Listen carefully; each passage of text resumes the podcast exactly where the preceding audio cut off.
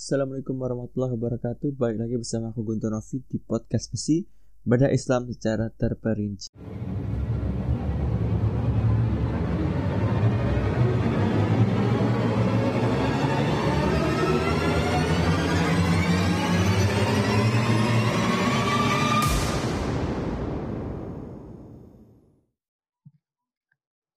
Assalamualaikum warahmatullahi wabarakatuh. Bagi bersama aku Guntur Novi di podcast Besi Islam secara terperinci.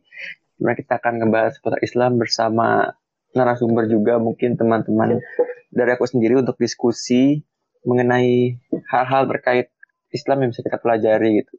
Mungkin hal-hal yang sedikit santai dan juga mungkin nanti kita akan mengundang narasumber termasuk hari ini aku kedatangan narasumber atau teman diskusi. Dia ini temanku sendiri dari kuliah aku ingat zaman dulu itu dia kuliah sambil mondok jadi kita bisa ambil mungkin pelajaran dari beliau Wih. mungkin nggak lama-lama langsung aja kita kenalan sama narasumber halo bro assalamualaikum Waalaikumsalam. gimana bro kabar bro Alhamdulillah baik-baik saja. alhamdulillah Gimana bro masa pandemi ini bro? Sehat bro ya? Alhamdulillah sehat bro masih bisa nyium apa bro Alhamdulillah. Cium apa? Cium istri. Wah, masya Allah nggak mau kalah kok bro Pengantin anyar ya? oh iya Pengantin baru ya? masih banyak masih perlu banyak belajar lah sama kamu bro Masih fresh.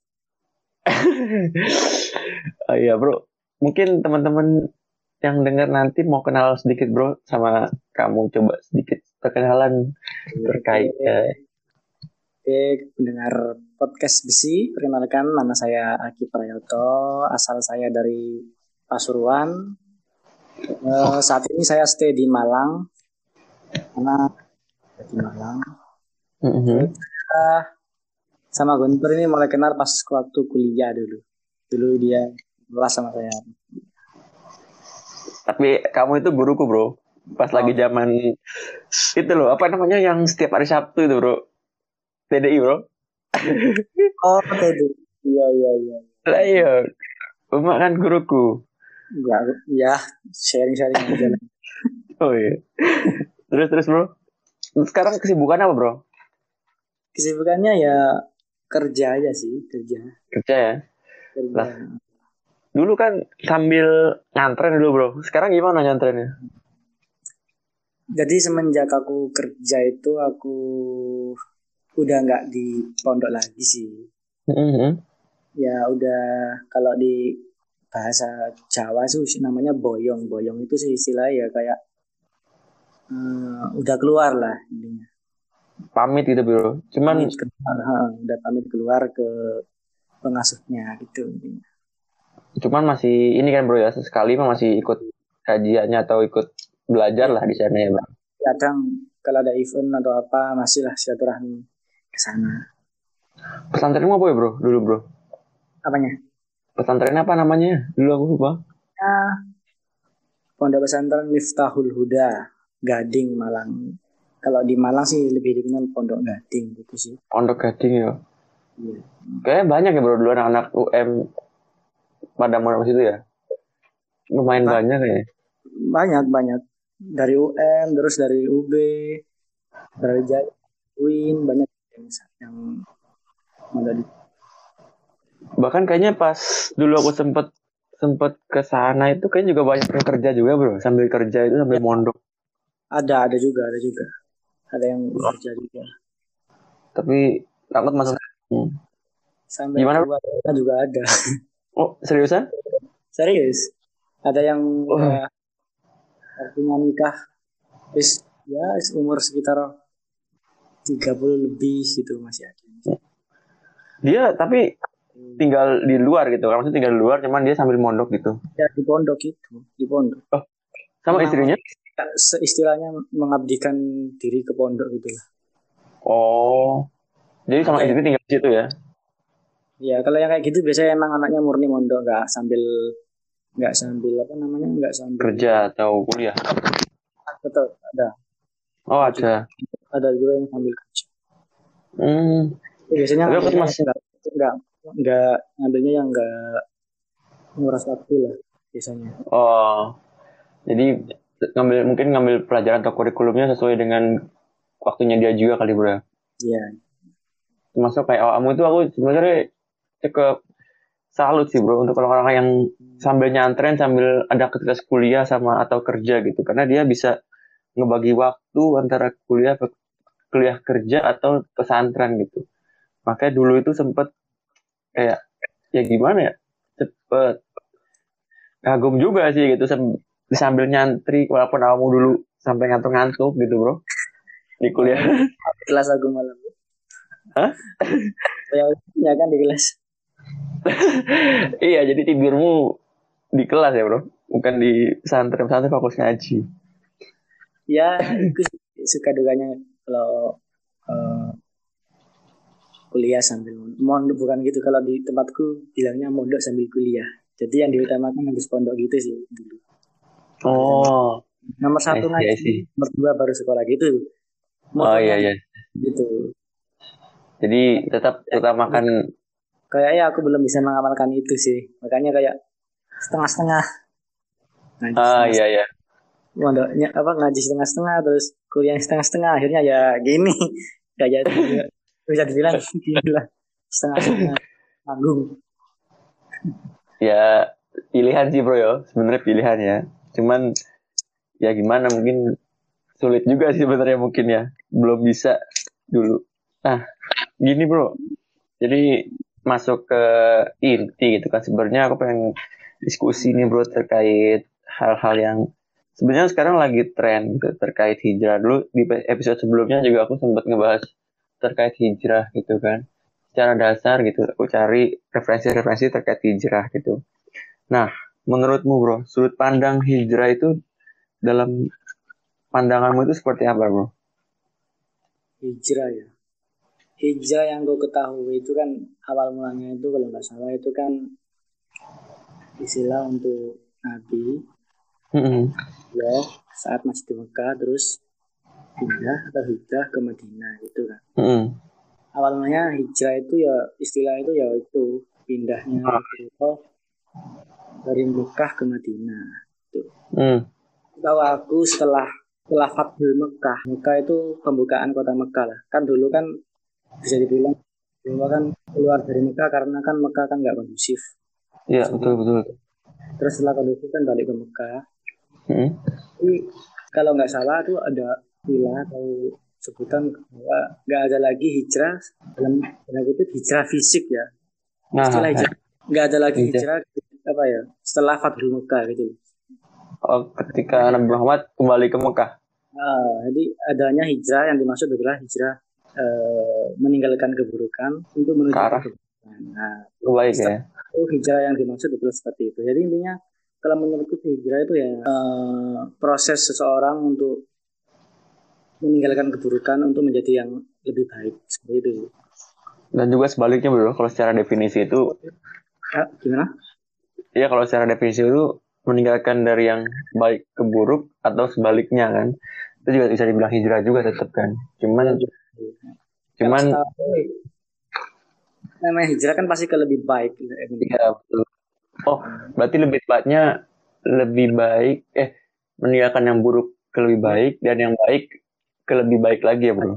Ah seperti itu. Oh, Apa bisa simpelkannya sebenarnya sih kalau aku bilang hampir sama kayak taubat lah. Taubat ah. meninggalkan keburukan untuk meninggalkan yang buruk untuk jadi lebih baik itu kan? Intinya iya betul. yang buruk itu nggak dilakukan lagi gitu. Oh hai hai. Nah. Seperti itu. Kan sekarang tuh udah sebenarnya mungkin dari tahun-tahun dua tahun belakangan ini bro udah mulai booming sebenarnya. Kayak hijrah-hijrah itu udah booming mulai dari banyak kayaknya aku lihat tuh mulai dari personal terus komunitas komunitas mulai dari yang muda tua sampai lihat di public figure pun di sosial media tuh udah banyak yang menggaungkan hijrah gitu. Nah, tanggapanmu seperti apa bro? Dari sudut pandangmu terkait tren hijrah yang sekarang itu booming khususnya di Indonesia sih. Sebenarnya sih aku kurang paham ya yang booming itu yang dimaksud hijrah yang gimana. Hmm. Kalau dari sih hijrah yang booming itu apakah hijrah yang dimaksud uh, meninggalkan keburukan ke lebih baik atau hijrah yang hanya uh, tren fashion. Mm-hmm. Soalnya kan banyak tuh yang awalnya nggak pakai hijab, terus mm-hmm. pakai hijab, dibilangnya hijrah atau apa. Tapi sebenarnya kan like, menurut aku esensi hijrah itu bukan hanya pada fisik, fisik atau penampilan apa ya? Penampilan gitu. Cuman itu sih ya dari apa ya perilakunya lah.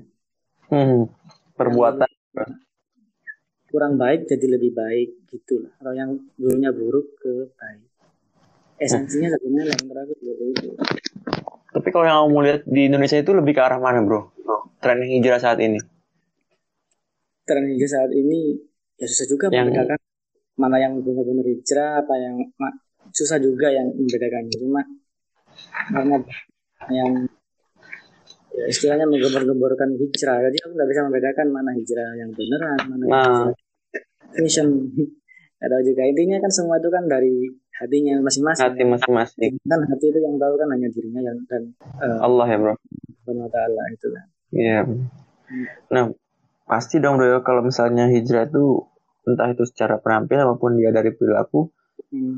mungkin banyak kalau dari dia ketika benar-benar hijrah secara perilaku perbuatan itu otomatis dari sisi baik lebih banyak dong ketimbang sisi buruk. Cuman kalau aku lihat itu kan banyak juga yang tadi kamu bilang tuh kayak cuman mereka mengikuti fashion trend gitu kan itu lebih condong banyak sisi buruknya gitu karena banyak juga aku lihat ketika dia menggaungkan hijrah cuman dari tampilan fisik atau penampilan tapi secara perilaku mereka nggak menunjukkan Islam gitu bro. Jadi malah kayak bikin apa ya? Hmm. Islam tambah jelek di mata orang mungkin ya bro mungkin maksudku. Karena sih kalau yang dimaksud dengan fashion sebenarnya sih maksudnya ya sah sah aja. Cuma alangkah lebihnya ceraya itu dibarengi dengan perilakunya juga gitu sih. Mm -hmm. itu biar lebih afdol lah bro. Lebih lebih ya, inilah ya. Mungkin jalan hidayahnya orang kan beda-beda. Mungkin ada juga awalnya dia hanya tertarik dengan fashionnya. Hmm. jalan hidupnya orang-orang kan beda-beda. Bisa jadi hmm. awalnya cuma tertarik dari fashion. Terus ketika sudah tertarik fashion dia mulai sadar mungkin wah masa aku baik dipakaian aja terus dia jadi termotivasi kan ya nggak tahu juga siapa tahu ada juga yang kayak gitu sebenarnya sih sah sah aja cuma kadang kan oh. ada ada juga kan kadang belum apa-apa mengatakan dirinya hijrah, tapi kadang juga menyalahkan nyalah-nyalahkan yang lain. Nah itu sih yang menurut eh, yang kurang tepat. Hmm. Mendeklarasikan dirinya hijrah, terus eh, mendiskreditkan atau menganggap jelek orang di luar eh, di luar golongan. Pendapatnya kali ya, maksudnya yang dia bukan sependapat sama dia Hmm. bilang itu salah bahkan kita menyalahkan menyalahkan yang dulu pernah dia perbuat tapi sesuatu yang salah. Gimana gimana bro? Misal golongannya dia dulu dulu circle-nya kan misalkan ya, circle-nya hmm. kurang baik lah. Iya. Terus ya hijrah jadi lebih baik. Bahkan menyalahkan circle-nya dulu yang kurang baik aja itu menurutku kurang baik sih. Wah. Nah, iya iya. iya. Kan Harusnya enggak. Makan. Kalau bisa malah dibaik-baikin, malah siapa tahu yang circle-nya dulu yang buruk itu malah bisa ngikut juga gitu kan. Daripada hmm. Istilahnya dijelek-jelekan gitu. Justru harusnya mereka harusnya yang sudah hijrah itu mengajak circle-nya nah. dulu yang paling baik. Hmm. Bukan malah. Tapi, aku bilang begini gini bro. Namanya orang hijrah itu gitu yang pertama kali yang harus itu sebelum hijrah mm-hmm. kan itu yang penting itu hatimu nyaman dirimu nyaman ah.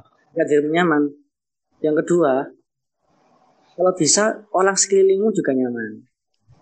Termasuk circlemu yang dulu sebelum hijrah. Jadi jangan sampai gara-gara kamu hijrah kamu membuat orang lain nggak nyaman. Hai. kan dirimu nyaman sekelilingmu juga nyaman. Ya, banyak sih bro. Aku lihat kayak gitu mungkin banyak yang justru ketika dia setelah hijrah, ya. dia apa ya malah bikin circle-nya tuh terasa nggak nyaman, merasa kayak Hmm. terlalu gapnya tuh terlalu jauh gitu. Sedangkan dia masih posisinya masih belajar gitu kan, bukan di posisi untuk yang yang tadi kamu bilang menjudge, menyalahkan atau menjauhi circle-nya yang dulu ibarat kata dia juga pernah terjun di sana gitu kan. Hmm. ya gitu sih Biasanya kayak gitu itu ada bro di circlemu ada bro di lingkunganmu lah di tempat-tempat temanmu atau di lingkungan kerjamu yang posisinya seperti itu. ya ada ada aja sih ada sih yang seperti itu Ada ya bro. ada sih. Malah justru Gimana? iya banyak ya bro. Ada ada mungkin ya di tempatmu. ada ada cuma untungnya kalau yang di circle itu kan nggak sampai yang nyalah nyalahkan gitu. Nah ya yang disayangkan kan yang seperti itu bro yang lain salah yang benar hanya. Dia dan apa yang diyakini. iya. Nah jadi kan berangkat tadi tuh eh, masalah eh, orang-orang yang apa namanya ketika dia berhijrah baru belajar cuman dia sudah menjudge atau menjauhi orang-orang yang tidak sependapat lah dengan dia. Nah itu biasanya faktor apa bro yang bikin kayak gitu ketika orang baru proses berhijrah gitu Eh, faktor yang paling utama sih kayak menurutku sih ketidakpahamannya dia sih. Dia kan Hmm. belum belajar eh, baru belajar. Lah terus kan kemarin kan dia kan tidak paham gimana kalau menyalahkan orang lain gimana. Lah untuk bisa paham itu kan ya menurutku ya ada peran guru juga di situ. Wah. Jadi ada peran guru lah atau ustadz atau kiai yang jadi panutannya berarti guru ya bro paling utama mungkin guru ya atau panutan yang dia ikuti lah ketika dia proses berhijrah jadi kan emang istilahnya kan kalau orang hijrah kan bisa dibilang kan belum tahu apa apa ya taunya kan gurunya gurunya dianggap benar ya gimana ya rasanya? Jadi mungkin ketika dia hanya berfokus satu guru dan gurunya itu belum tentu apa ya? itu intinya like menurut aku sih kalau mau hijrah ya niatnya ya pilih-pilih guru juga lah. Maksudnya tahu Hmm. asal usul gurunya tahu silsilah keilmuannya tahu sanatnya. Jadi Hmm, ya sekarang kan ada orang kopian si Kiki dianggap ustad. Ah, dianggap ustad kan ya enggak gitu juga kan kita nggak nggak Iya. tahu siapa dia asal usul Ah. dari mana dulu dulu mondoknya di mana terus eh, belajarnya dulu di mana kan kita nggak tahu siapa tahu ya kita kan nggak tahu siapa hmm. dulunya apa itu nggak tahu juga kan kita Berarti salah satu kriteria penting dalam memilih guru ketika berhijrah itu kita harus tahu ya bro asal usul gurunya sanat gitu bro. ya. Gurunya itu belajar dari siapa, terus gurunya lagi dengan siapa siapa. Jadi Iya. yang ada. berarti itu sanat berarti bro. Sanat ya. Iya, jadi yang dimaksud sanat itu kan like, simpelnya like, menurut aku itu kan sanat keilmu sanat keilmuan itu adalah silsilah keilmuan bro jadi Hmm. Nah, baiknya kita kalau belajar apalagi belajar ilmu agama ya ya kita harus tahu lah siapa guru yang mengajari kita Hmm, hmm, hmm. namanya ilmu agama, Berarti ilmu agama kan diturunkan dari eh, Al-Quran dan hadis kan turunannya Al-Quran dan hadis. Al-Quran dan hadis kan sangat kompleks otomatis kan untuk bisa memahami Al-Quran dan hadis kan kita nggak bisa hanya memahami dengan kemampuan kita kan Nah, makanya kita Nah. perlu gurunya pun tuh harus yang istilahnya bahasa kerennya kredibel lah.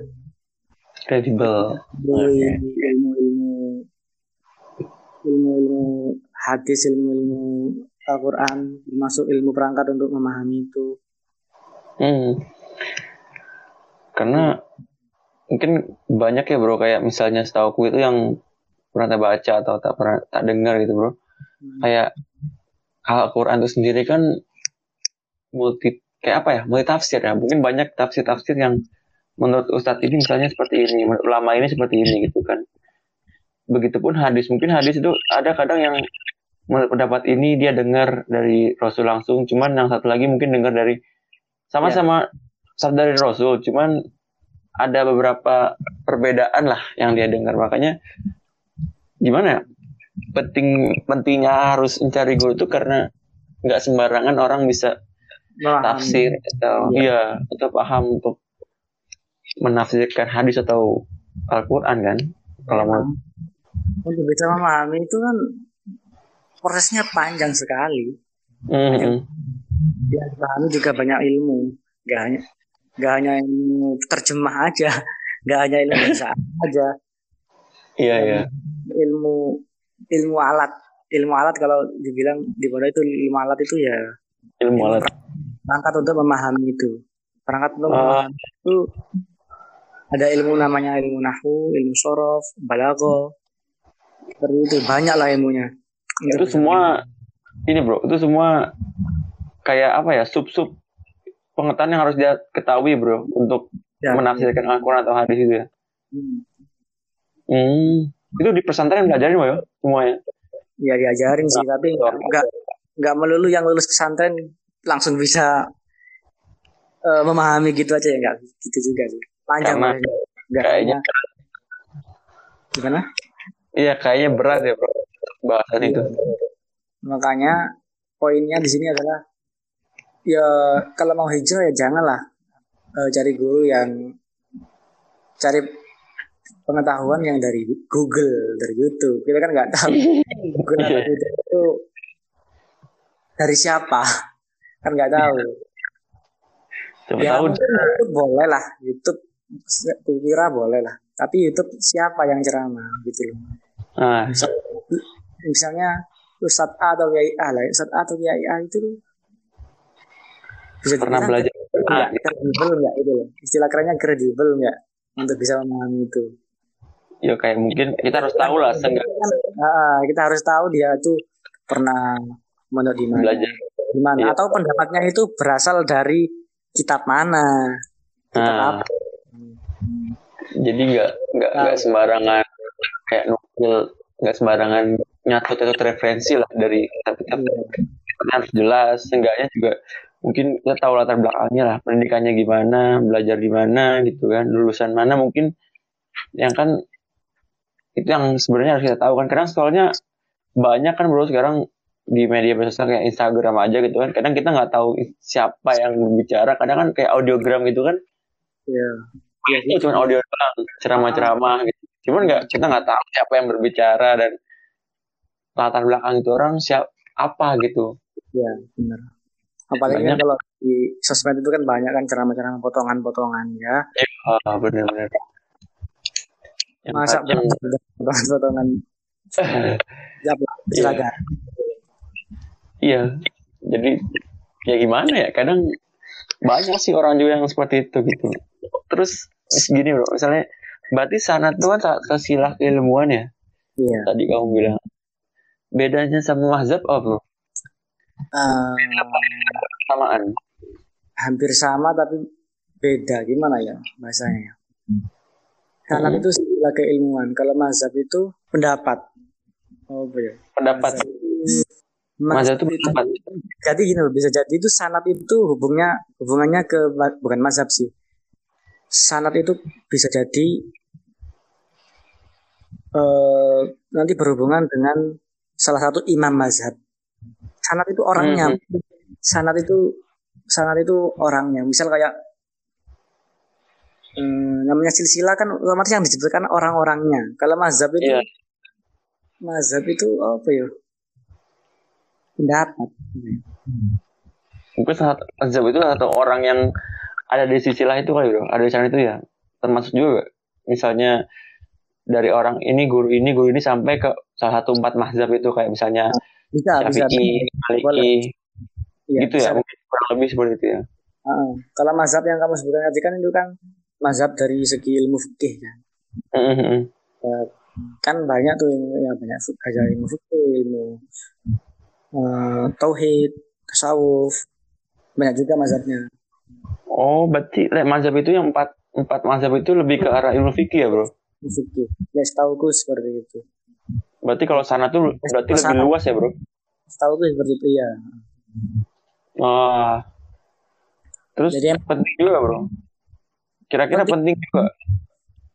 penting juga bro Lek fikih itu kan lebih ke arah bagaimana menuntun kita untuk cara beribadah Mhm. gitu kan lah kalau kita nggak tahu mazhab maksudnya nggak istilahnya nggak bermazhab lah bagaimana kita mau beribadah Nah, iya ya, bro.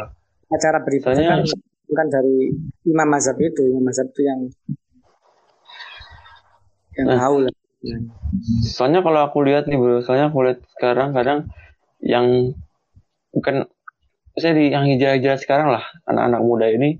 Mungkin yang dasarnya dia nggak nggak nggak basicnya nggak ada dia lagi hijau gitu. Kadang dia kadang kurang peduli dengan mazhab gitu. Dia ya dia fokus memperbaiki diri gitu. Cuman secara ibadah aku lihat itu kayak nggak nggak nggak terfokus dengan satu mazhab gitu. Jadi dia ya gimana ya? Kayak kadang aku lihat pernah sholat itu pernah aku baca atau pernah dengar kan ada beberapa perbedaan ketika sholat gitu bro. Dari beberapa mazhab gitu kan. Misalnya syafi'i itu terkait ada kunut misalnya kan atau Iya. ada ada gerakan-gerakan beda lah dengan mazhab lain gitu kan. Nah Iya. besoknya berbeda mazhab kalau aku lihat gerakannya. Kadang kan itu menurutmu gimana bro? Maksudnya ada masalah gak kalau kayak gitu? Sebenarnya sih kalau bermazhab itu kalau bisa ya satu ya.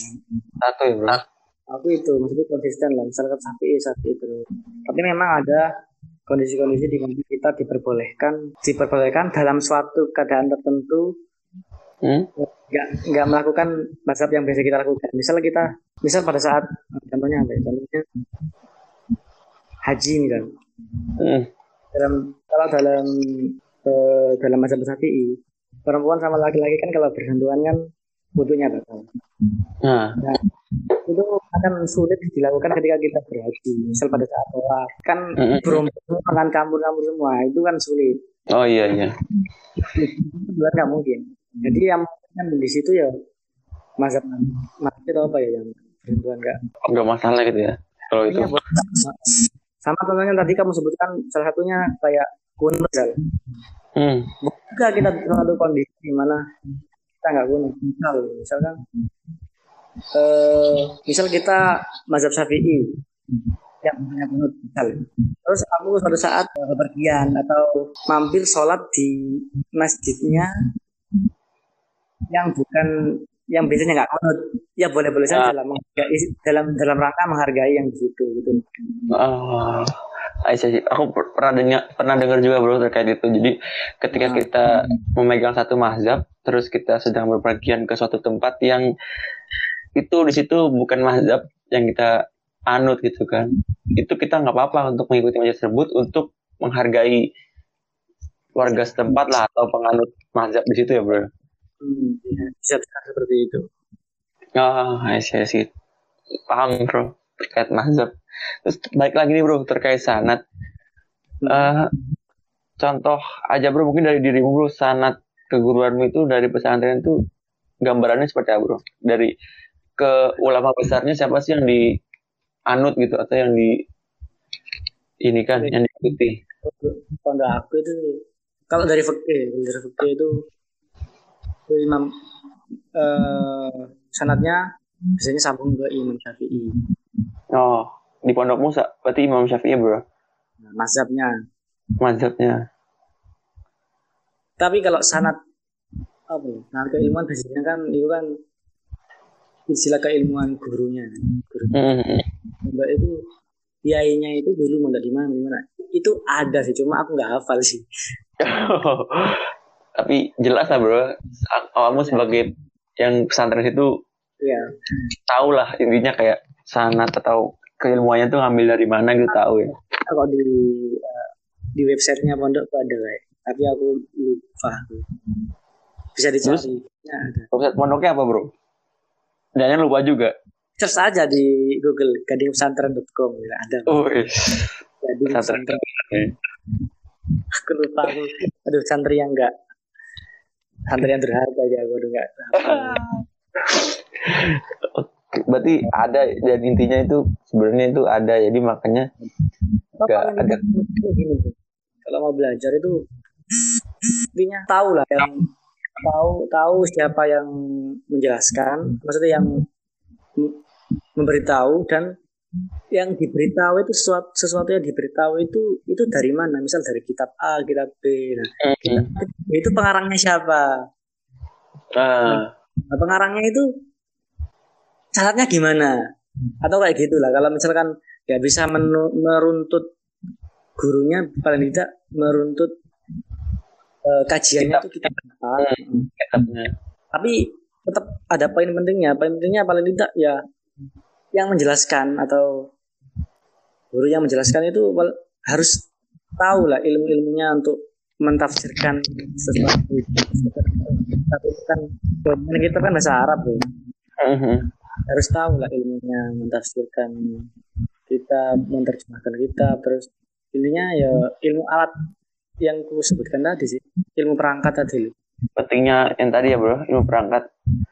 Dan aja? Ujung-ujungnya juga ke situ. Harus ah iya. Nah biasanya bro yang kamu lihat bro di zaman sekarang atau ya nggak zaman sekarang lah mungkin di setiap waktu gitu. Ada gak perbedaan ketika seorang murid dia belajar dengan guru yang dia tahu sanatnya dan dengan guru yang dia nggak tahu sanat atau usulnya atau bahkan dia belajar sendiri aja dari internet Google. Membedakan anaknya gitu ya? Iya, bisa, bisa dibedain nggak kira-kira tuh kalau dia belajar guru dengan yang benar-benar tahu sanat dan silsilah keilmuan dari guru-gurunya dan dengan misalnya orang yang sekedar kajian cuman dia nggak nggak nggak nggak begitu tahu gitu. Maksudnya nggak nggak pengen tahu gurunya itu ilmunya dapat dari mana maksudnya kajian atau kitabnya sampai ke mana gitu. Nggak tahu juga sih. Aku nggak bisa kalau kayak gitu sih nggak bisa membedakan sih mana yang mana yang anak yang eh, tahu sanatnya sama nggak tahu sanatnya nggak tahu sih. Tapi mungkin yang bisa diketahui adalah gini. Mana yang gurunya kira-kira dalam dalam tanda kutip baik sama yang nggak baik. Aku Mhm. kutip yang nggak baik itu menurutku yang nggak sesuai ya. Yang nggak sesuai itu ya yang gampang nyalah-nyalakan di luar golongannya. Hmm. nah itu yang bisa dibedakan nih menurut aku. Berarti lebih ke arah gurunya yang dipilih itu ketika carilah guru yang menyejukkan kali bro gimana bro mencari iya maksudnya baik lagi tergantung dari gurunya sendiri kali bro maksudnya kalau bisa cari guru itu yang seenggaknya Misalkan anak ini tahu sanatnya atau nggak tahu. Cuma kalau dari perilakunya mungkin bisa diketahui oh ini ternyata paling guru ini gini ini anak ini kok kita nyalakan ah, bisa kelihatan dari perilakunya berarti bro ya. Bisa jadi seperti itu. Mhm. kan ya nggak semua sih ya. Gimana ya? Susah juga sih kalau membedakan itu sih. Iya bro soalnya sekarang tuh banyak banget bro. Mungkin sosial media banyak juga kan kayak ustadz atau guru-guru yang justru dalam kondisi yang kayak gini dia gimana ya? Malah berkeruh gitu dengan menyalah-nyalakan yang misalnya nggak sependapat gitu. Maksudnya ya ya ya kurang mencontohkan yang baik lah gitu.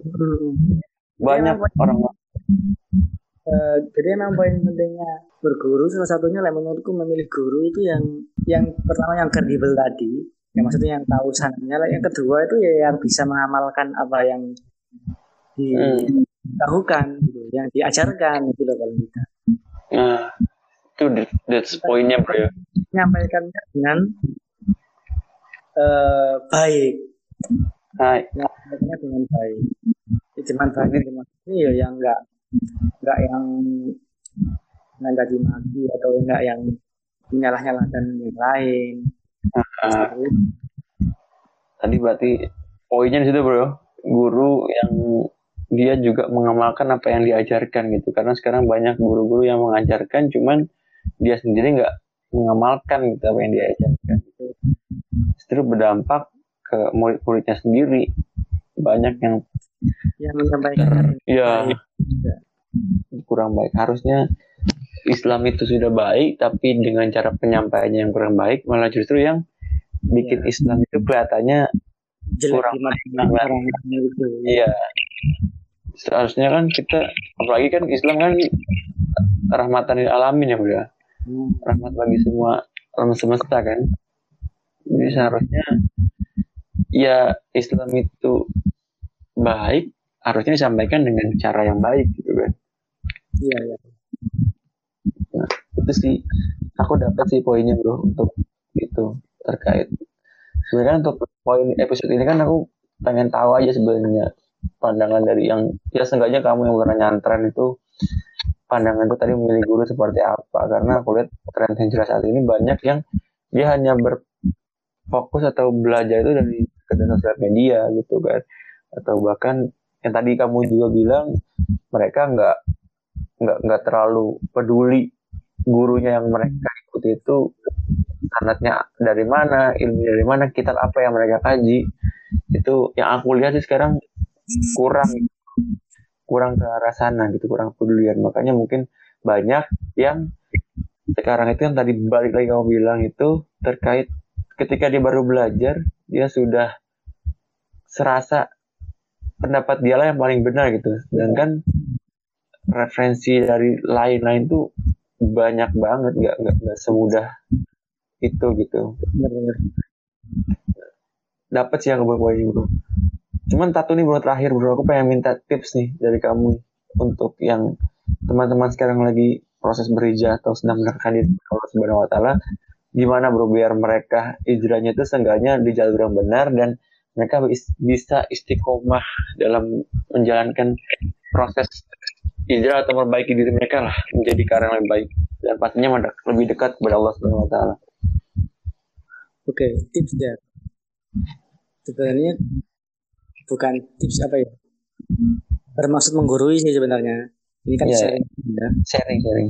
Jadi aku sendiri juga terlalu paham. Ya menurut aku pribadi sih ya. Ya poinnya ininya kesimpulan dari tadi itu lain hijrah pertama hijrah itu sesuatu yang baik hmm. ya sesuatu yang baik itu kalau bisa ya apa ya penyalur bukan penyalur sesuatu yang baik kita niat yang baik ya harus jadi sesuatu yang baik untuk saat oh. untuk jadi sesuatu yang baik itu ya pertama yo harus tahu guru gurunya juga ya harus baik. Anaknya juga tahu. Itu juga pertama harus tahu gurunya dulu yang baik ya bro iya. agar seenggaknya hidupnya itu di jalan yang benar gitu. Iya takutnya belum apa apa udah uh, saling menyamakan gitu. Kan nggak baik juga. Awalnya niatnya baik karena uh, sesuatu yang nggak baik sedikit tadi malah jadi malah terusnya ke sesuatu yang salah gitu yang kurang tepat oh. lah. Oh. paham, ada lagi bro? Tipsnya bro? Mungkin buat istiqomah lah biar mereka tetap kadang banyak juga bro sekarang yang berhenti di tengah jalan. Istiqomah banyak yang itu biar dia tetap semangat lah dalam proses dia berhijrah atau memperbaiki, memperbaiki diri. Ya menurut aku sih yang poin sebelumnya pernah disebutkan tadi, ketika kamu hijrah yo buat dirimu nyaman dulu. Ah. Dirimu nyaman, buat juga skillmu nyaman. Ketika wis nyaman yo, dirimu nyaman, dirimu nyaman, skillmu nyaman, insya Allah bisa istiqomah sih. Masya Allah. Ya, mengerti Oh, keren keren bro. Iya paham paham. Di ketika dari diri sendiri sudah nyaman, circle kita nyaman, insya Allah ke depannya kita akan menjalani itu dengan nyaman ya bro. Maksudnya nggak terlalu ada paksaan, maksudnya nggak terlalu yang kayak yang gimana gimana gitu intinya nyaman lah di hati ya bro. Dari hati. Iya karena sesuatu yang dari hati yang bikin nyaman tuh insya Allah bakal enteng atau ringan lah bro untuk menjalankannya. Bener bener. Hai. Mantap. Mantap. diskusinya hari ini banyak banyak pelajaran bro yang aku dapat dari diskusi hari ini. Sharing lah. Sharing sharing. Dan sekarang diskusi kalau untuk mengguri belum tingkatannya lah aku nggak tahu. Iya makanya kita kan makanya untuk podcast ini sebenarnya sarana buat aku belajar juga bro. Makanya kadang aku bakal ngajak teman-temanku yang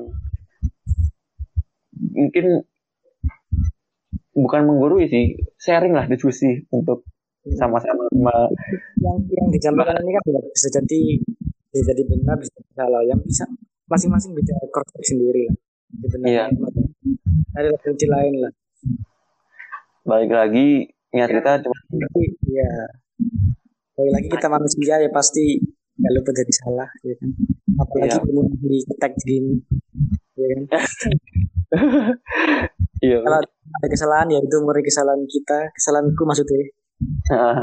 Itu ada Karena kalau- alhamdulillah gitu.